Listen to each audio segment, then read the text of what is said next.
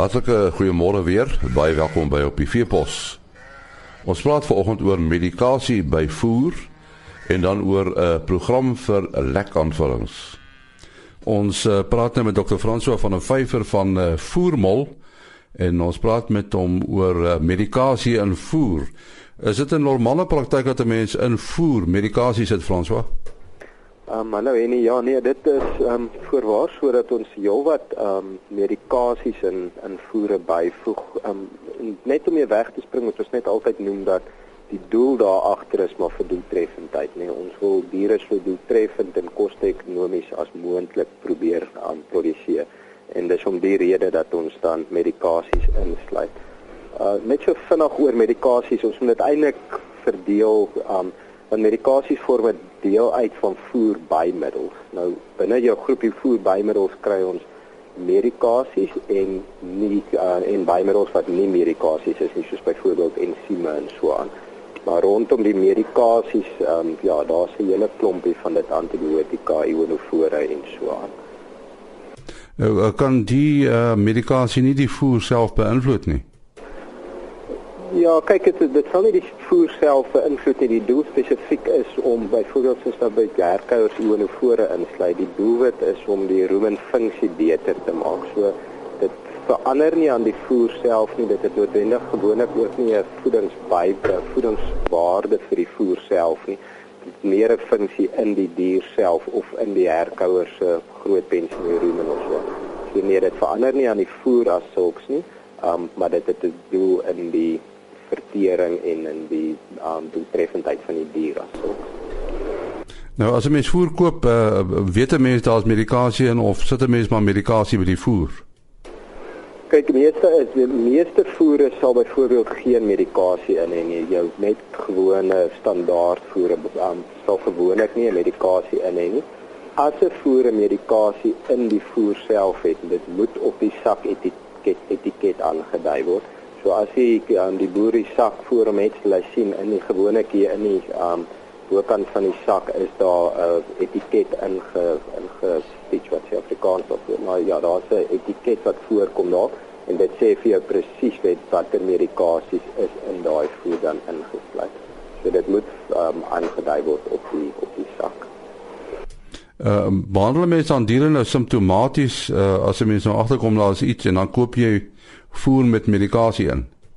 Nee, die doel dit is nie die hierdie is 'n uh, aan nie simptomatiese behandeling nie. Dis nie hoekom ons sê um medikasies insluit nie. Daar is uitsonderings wat die ouens dit sal doen, maar die doelwit hierso hoekom ons die medikamente in hierdie voere insluit is vir doeltreffendheid van produksie.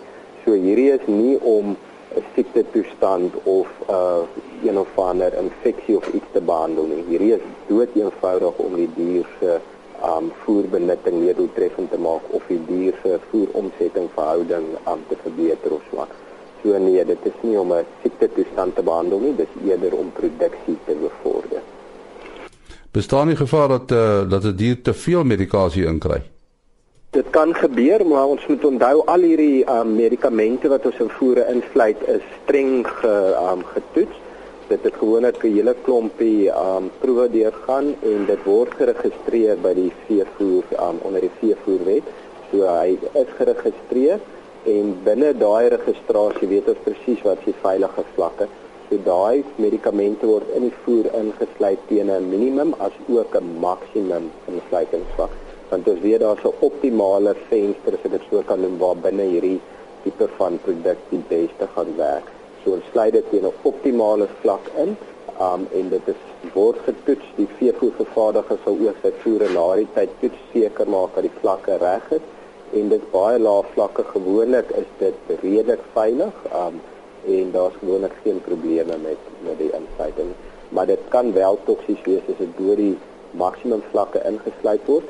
So as die veevoervervaardiger agterkom met sy toetse Dit was een of ander probleem, dit is te hoog ingesluit, hulle altyd daai voer dan terugroep um, of herroep en dit um, vernietig. So nee, ons is baie versigtig rondom toksiese vlakke. En wat van residue? Ek dink nou veral aan melkbeeste. Ja, kyk, um, dis nie net melkbeeste nie, is ook by vleisbeeste, voerkraaldiere, enige van daai diere, as dit 'n uh molekules is wat in die vleis of in die melk 'n residu vorm. Nie almal al die molekules doen dit en daar is sommige wat dit doen.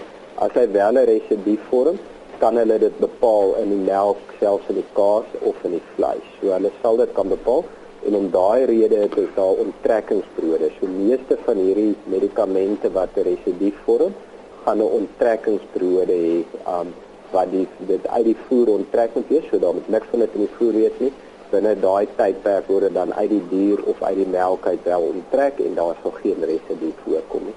So baie veilig dit word goed getoets en goed gemonitor ook. Uh, iets soos groeistimulante kan 'n mens dit ook in voer sit. Ja, hulle sal ehm um, groeistimulante partykeer insluit, so jy kry maar gewoonlik jou antibakteriese groeistimulante wat nou maar die antibiotika is vir die mense meeste. So ou praktyk wat al baie jare plaasvind. Ehm um, die nuuter praktyke deesdae is om natuurlike groeistimulante in te sluit. So um, in Suid-Afrika uh, mag ons nog hierdie antibiotiese middels gebruik um, en dit word met goeie sukses gebruik, maar daar is ook 'n hele klompie ouens wat al begin oorbeweeg na jou natuurlike voedingsmiddels en ook natuurlike groeibevorderaars. Nou Frans, wat moet boere in gedagte hou as dit nou kom by medikasie in in voer? Wat is die belangrikste wat 'n mens nou moet uh, na oplet? dink die heel eerste ding is as as hulle die voer aan gebruik moet hulle hom streng aanwend volgens die voorskrifte. Um daar sal altyd op daai sak staan hierdie voer moet teen 'n sekere vlag gevoer word of atlip gevoer word en hy het 'n sekere onttrekkingsperiode. Daai is baie belangrik om by te hou. So ons moet sorg dat die dat um, ons by die voorskrifte hou van daai spesifieke voer. Dis die eerste en die belangrikste punt.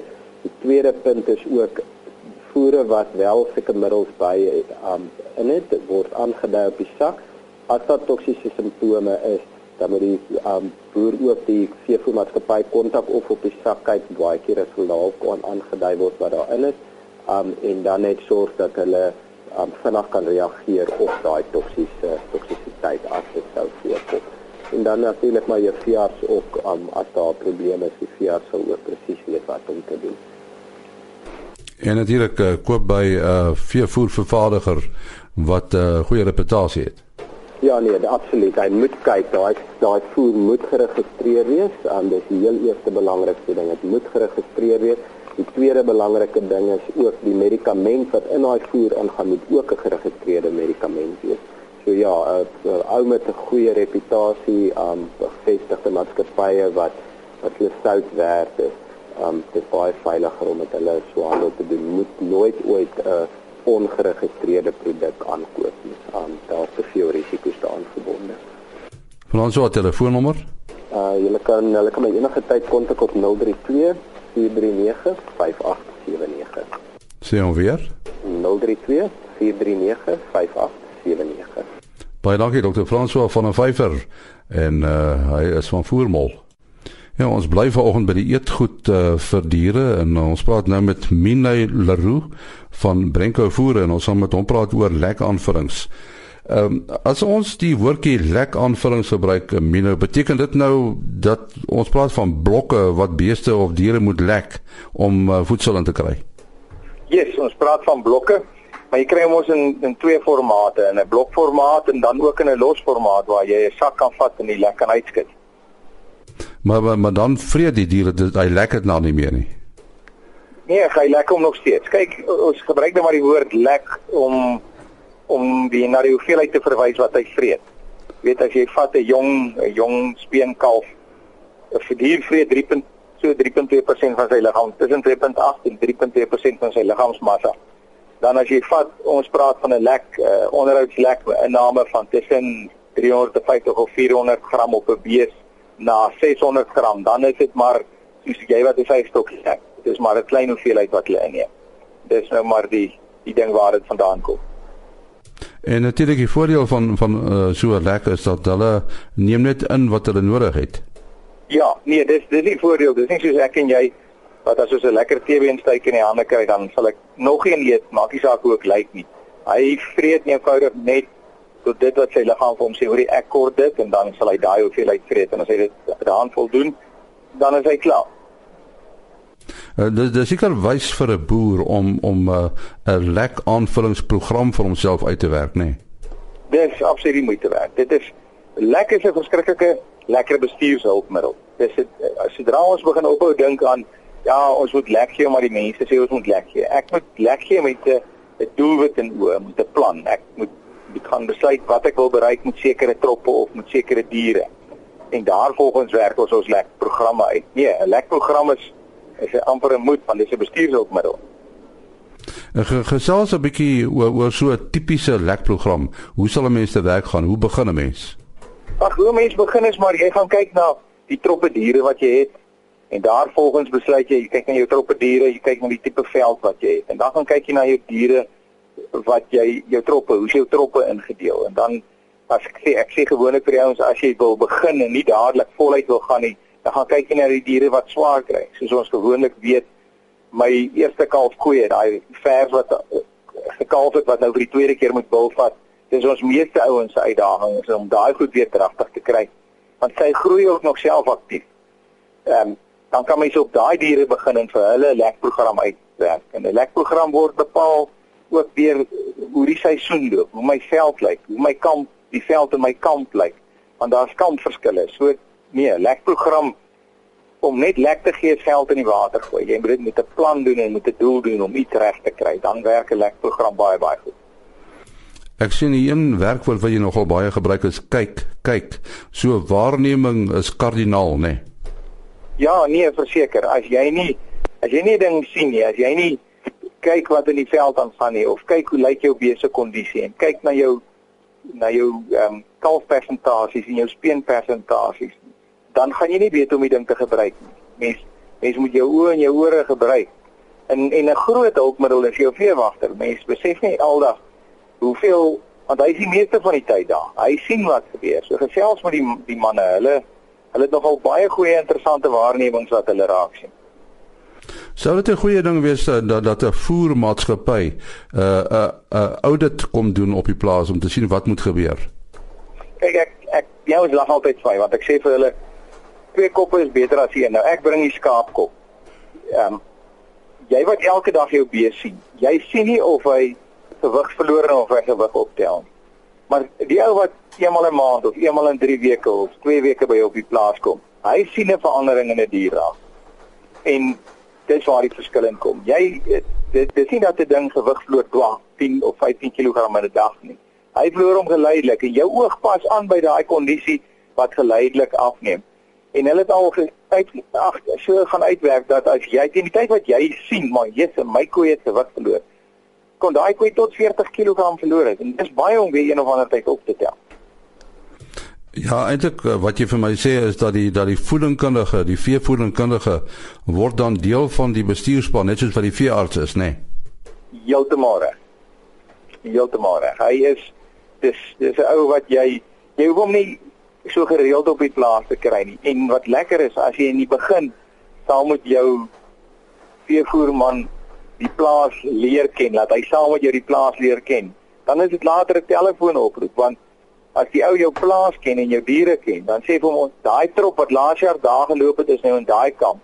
Dan kan hy die kamp onthou, hy kan die trop onthou want hy ken die diere. Dit maak dit net makliker vir almal om aanbeveling te maak. Amina net so kortweg, uh jy weet almal praat so oor die tegnologie wat verander. Uh veevoer tegnologie, dit verander? Ja, nee, dis dis dis 'n elke elke jaar kom daar nuwe goede by. Daar kom bietjie nuwe inligting by.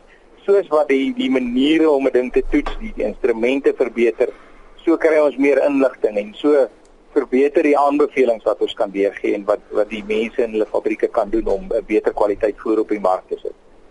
Mina, jou telefoonnommer? Uh 015 516 0133. Herhaal hom asseblief. 015 Dit was uh, Minay Leroux wat gepraat het oor 'n uh, plan met lek aanvullings ook die einde van op die veepos. Tot maandagooggend alles van die beste. 啊。